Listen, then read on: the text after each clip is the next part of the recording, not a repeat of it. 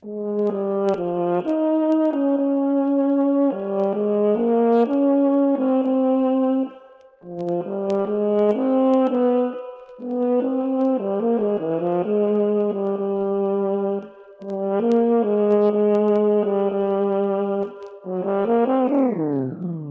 hingen we nog geen auto, nou. En wat nou heel mooi weer van de fanfare, nou dan gingen we één keer in het jaar met de trein op concours. Nee, de oude harmonie. In Ljouwert, nou. Vroeger kwam nooit in Ljouwert. Nou, en het allereerste concours, dat vies dus nooit meer. Toen ik nog een liedje jonkje, door wie ik mijn mondstuk vergeten. ja, dat vierde je dan nooit meer. En wat tost?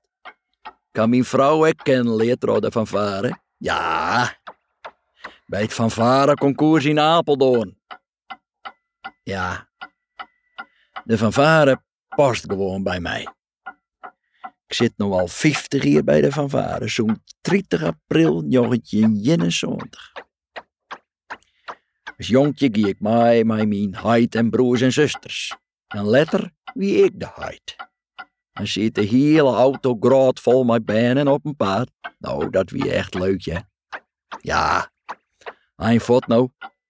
Ja, familie, die eigen gezin, nou, mooi das. Als het hetzelfde vielst. En daarnaast pubers en daarnaast spul. Maar dan stappen ze dos in diezelfde auto en maken ze dos muziek met elkaar. En hoe vallen binnen daar nou nog van oor? Hm? Dat is een vereniging haast mij alle leeftijden. Soms toch een bruiloft van een van de leden. Het zo vaak meer. Ik begrafenissen. Best een verlengstuk van een familie nou en ja, dan zit de hele band te gewoon. Ja, dat is echt zo. De fanfare is... Het is gewoon een gevoel van dankbaarheid. Je moet het maar elkaar dwaan. We denken net meer gelijk nou in deze tijd. Maar als de jere muziek maakt, maar het een ziel, dan maakt het dat alle jaren net meer uit. Het is gewoon een way of life. Zolang als ik kim, blijf ik dan ik euphonium spelen. Het is een instrument met zangbrut bereik wel fjouwer octaven.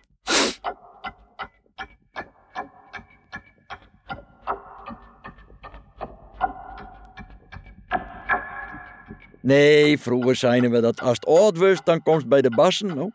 En als dat net mislagen, dan moest nog bij het slagwerk. En als dat ik al net mislagen, nou, dan mochten ze de vaandel beet houden. ja. Maar dat is nog net mis, hè? Nee,